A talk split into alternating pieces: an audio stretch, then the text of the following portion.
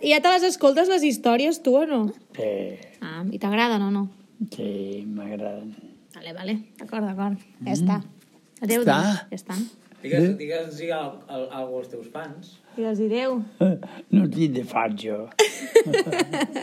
és un espí. Si sou fidels oients de les històries de l'avi Josep, ja sabeu que l'avi no és d'Ullastrell de tota la vida, tot i que ja ha viscut des dels 16 anys. Va vindre de València a treballar a Catalunya. Ell és d'origen valencià, però ara és català. L'avi es considera ullastrellenc i el poble el considera un més. A Ullastrell, ets ullastrellenc quan hi has viscut molts anys i sobretot si hi has fet vida, si et fas conèixer o si aportes alguna cosa. Mentrestant, ets foraster. I pots arribar a ser foraster tota la vida. De fet, el Mateu, que fa una mica més d'un any que viu a Ullastrell, bromeja que ell sempre serà foraster. El Mateu, però, s'ha implicat al poble en diversos projectes artístics i ara fa unes setmanes al diari de Terrassa sortia una notícia que deia amb la música de dos ullastrellencs i un d'ells era el Mateu. La seva felicitat de deixar de ser un foraster va ser immensa.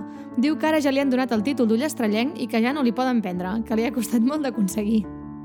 L'avi sempre està molt agraït a totes les persones que el van ajudar a tenir una millor vida, perquè per ell, venir Ullastrell, va ser definitivament tenir una millor vida.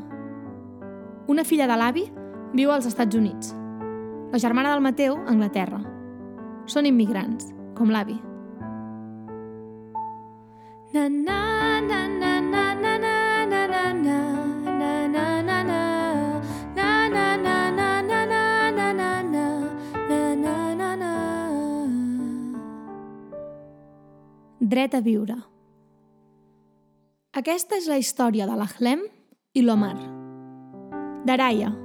Síria, 2011. L'Ahlem té 17 anys. Li encanta el teatre. És el gran de quatre germans. Fa teatre amb un grup d'amics de Daraya, la ciutat on viu. L'Omar té 18 anys. Li encanta la música. És el mitjà de tres germans. Toca la guitarra pels carrers de Daraya, la ciutat on viu. L'Ahlem i l'Omar no són amics entre ells, però es coneixen. Viuen al mateix barri i si es troben pel carrer, se saluden cordialment. No són de la mateixa colla d'amics, però es coneixen. L'Ahlem té un somni, ser actor. L'Omar també té un somni, ser músic. L'any 2011, a Síria esclata la guerra, la guerra civil siriana. Tot comença amb les protestes antiguvernamentals que acaben derivant en enfrontaments entre les forces armades del país i la denominada oposició siriana, entre els quals hi ha diversos grups terroristes. El panorama del país de l'Ahlem i l'Omar és espectacular. És el millor moment perquè els dos joves puguin complir els seus somnis, per descomptat. És absolutament irònic. Les famílies de l'Ahlem i l'Omar es veuen absolutament afectades per aquest conflicte. Les seves, però també totes les famílies que viuen a Síria. Les famílies es trenquen. Els somnis es trenquen, o més ben dit, canvien. Passen de tenir un somni a la vida a tenir la vida com a somni.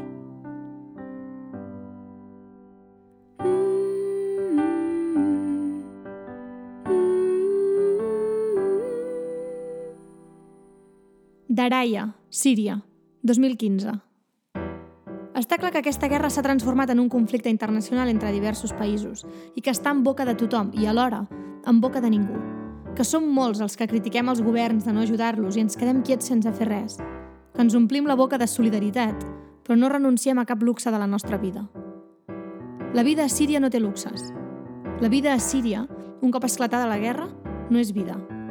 El luxe és viure. L'Ahlem vol lluitar pel seu luxe, pel seu somni, i decideix marxar. Deixa tot el que té a casa seva. Agafa el mòbil per comunicar-se amb la seva família quan arribi al destí i els pocs estalvis que té. Res més. Se'n va caminant fins a Turquia. Per sort, són només 400 quilòmetres fins a la frontera. Només. Un cop allà comencen les màfies, les màfies de transport de refugiats. Transport de Turquia a Àustria en camió, transport fins a Grècia en barca. Després d'haver de negociar amb diverses màfies per un preu que podia assumir, puja a la barca. Aconseguir pujar una barca que et porti cap a Europa és el primer pas per aconseguir el seu objectiu. Una barca plena d'homes i dones, de nens i de nenes que també volen complir el seu objectiu. L'Ahlem va sol. Hi ha molts homes i dones que van sols. En aquella barca no hi haurien d'haver més de 25 persones. Tots es miren entre ells. No es diuen res. Tenen por. A la barca hi ha claríssimament més persones. No fa un bon dia. La Glem pregunta quan queda. No hi ha resposta. Hi ha moltes més persones de les que hi caben. Comença a ploure. Els nens ploren. La Glem no sap nedar. La tempesta comença a ser bastant forta. Les onades mouen la barca més de l'habitual. Els adults ploren, els nens criden. Llamps, trons, aigua, molta aigua i onades, moltes onades. La barca es trenca, crits, la barca es parteix per la meitat. Tothom cau a l'aigua. La Glem no sap nedar.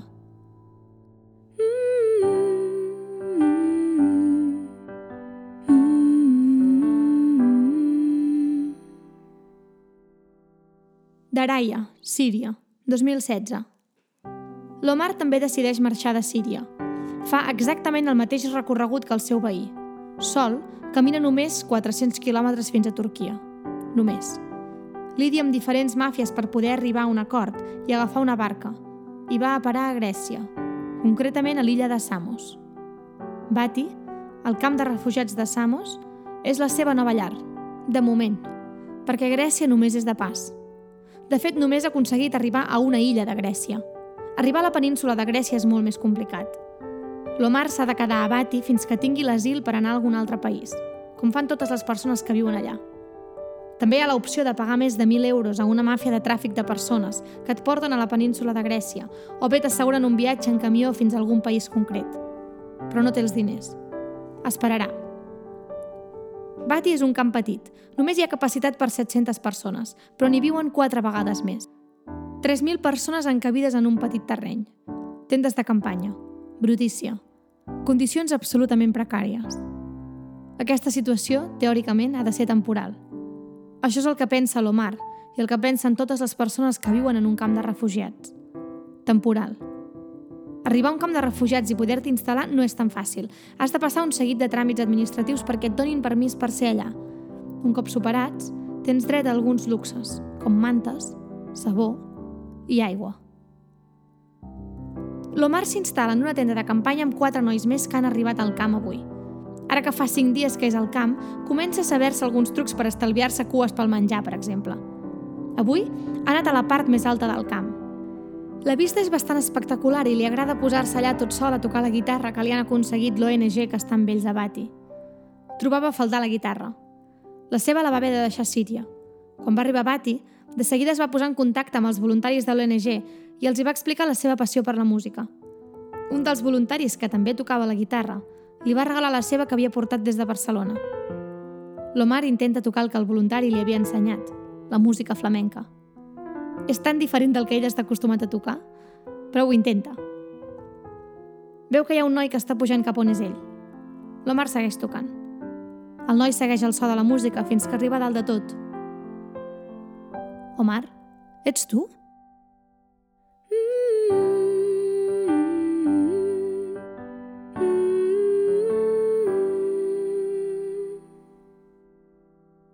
Camp de refugiats de Bati, Grècia, 2016. La Clem i l'Omar estan al·lucinant de trobar-se els dos al mateix camp de refugiats. S'abracen com si es coneguessin de tota la vida. Trobar una mirada coneguda és com una pausa per seguir lluitant. Però a partir d'ara ja no lluitaran sols. La Clem i l'Omar no eren amics, però a partir d'ara es tindran l'un a l'altre. No tenen a ningú més, però es tenen l'un a l'altre. La Clem i l'Omar s'expliquen les peripècies que els dos han hagut de fer per arribar fins a Bati. La Clem ha estat a tres camps diferents, Ritsona, Mòria, i ara ha decidit quedar-se aquí, a l'illa de Samos. La Clem sempre explica com enmig d'aquella tempesta, la barca partida i tots a l'aigua, van ser rescatats per Open Arms. Els hi deu la vida, diu ell. Amb els voluntaris catalans fan molta pinya. Preparen activitats, concerts, actuacions, tallers. La Clem i l'Omar són dos voluntaris més que ajuden a tots els seus companys del camp de refugiats, utilitzant sobretot la seva part artística. Ara, el gran objectiu de la Clem i l'Omar és aconseguir l'asil a Espanya. Els dos estan enamorats del país que no han visitat mai, però a l'ONG que està a Bati, la gran majoria de voluntaris que hi van són justament catalans. Comencen a aprendre l'idioma per quan puguin arribar-hi. S'interessen molt per la cultura catalana i espanyola. Aconseguir l'asil no és fàcil. No és gens fàcil. La Clem i l'Omar estan cantant cançons al vespre, sols, observant les vistes de Bati. La Clem no pot seguir cantant. Atura la cançó. L'Omar se'l mira. Està plorant. Omar, m'han concedit l'asil a Espanya.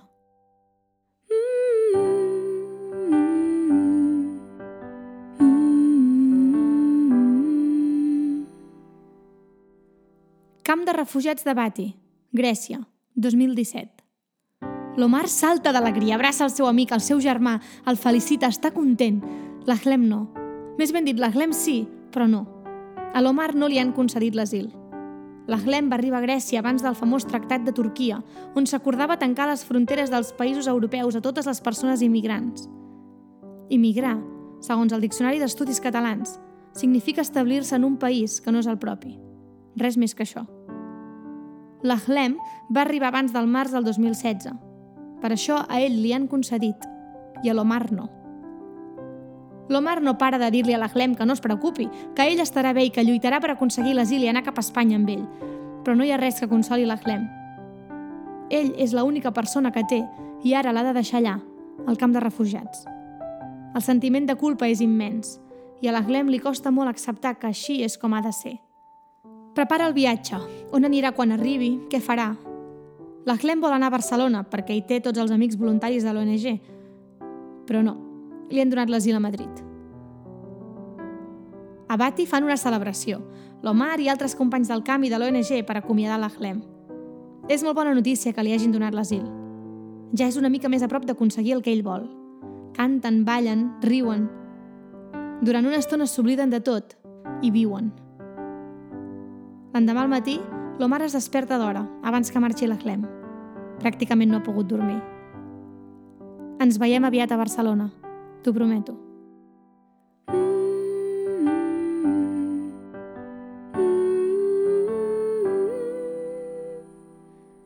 Madrid, 2017.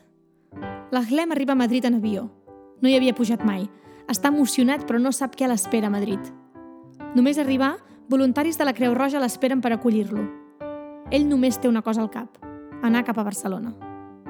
Comença a moure fils per aconseguir el permís per anar cap a Catalunya i ho aconsegueix. L'Ahlem no es rendeix. Un cop a Barcelona, també acollit per Creu Roja, es retroba amb els seus amics catalans i comença a buscar feina i a treballar. Treballa de cambrer, es treu el títol de monitor de lleure, treballa amb menors no acompanyats, fins que un dia aconsegueix una beca per estudiar teatre al Col·legi del Teatre de Barcelona. L'Ahlem no s'ho creu. En aquest moment i en molts d'altres, però sobretot en aquest moment, pensa en l'Omar. Què deu estar fent? Sovint s'envien missatges i sap que està bé. Com m'agradaria que l'Omar pogués venir aquí.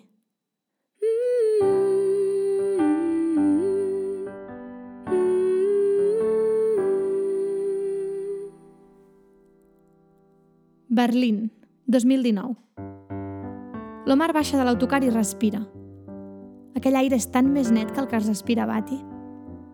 Ahlem, ja he arribat a Berlín. L'Omar ha aconseguit l'asil però no a Espanya, com ell volia, sinó a Alemanya. Allà no coneix absolutament a ningú, està sol. Però de seguida és acollit per una ONG i comença a conèixer altres persones immigrants de països variats que, com ell, estan lluny de casa seva. L'Omar està fascinat per la cultura espanyola, sobretot per la música, i no creu que Alemanya pugui aprendre flamenc. Pensa en com li agradaria estar a Barcelona amb l'Ahlem, però no pot ser. Millor a Alemanya que Bati, i millor a Alemanya que a Síria, per descomptat. Però està sol. Va deixar la família totalment sola allà. No sap quan podrà tornar-los a veure. Potser no ho farà mai més. L'Ahlem era la seva família a Europa, L'Omar i l'Ahlem eren com germans i ara estan a 1.800 quilòmetres de distància.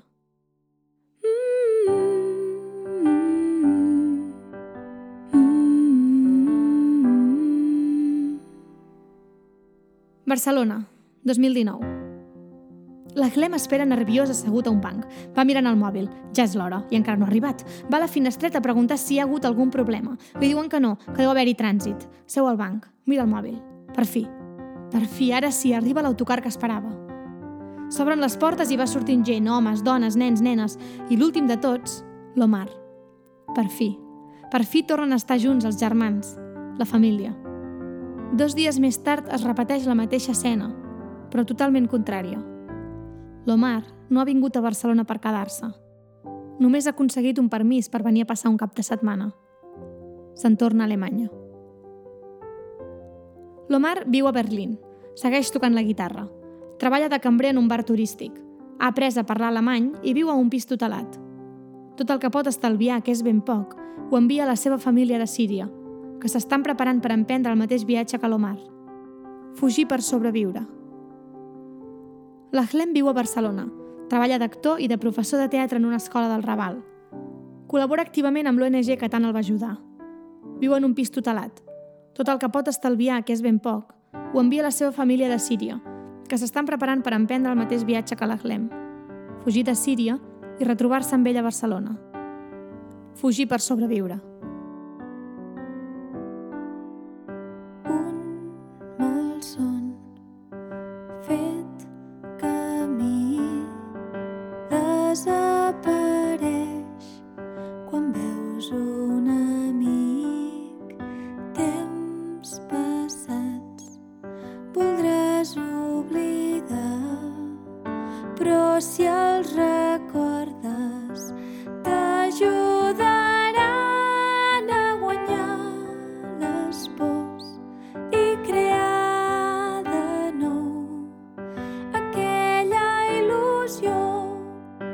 Que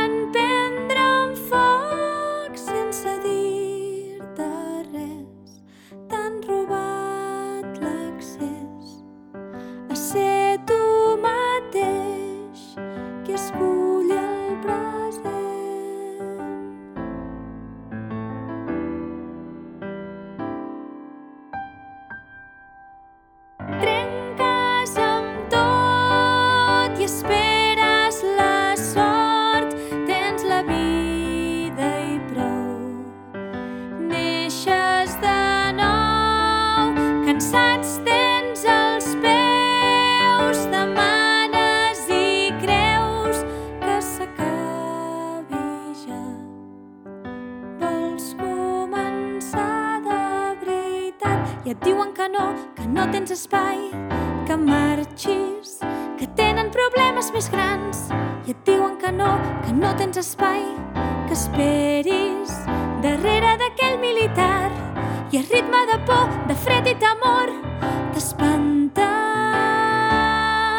i caus rendit. T'han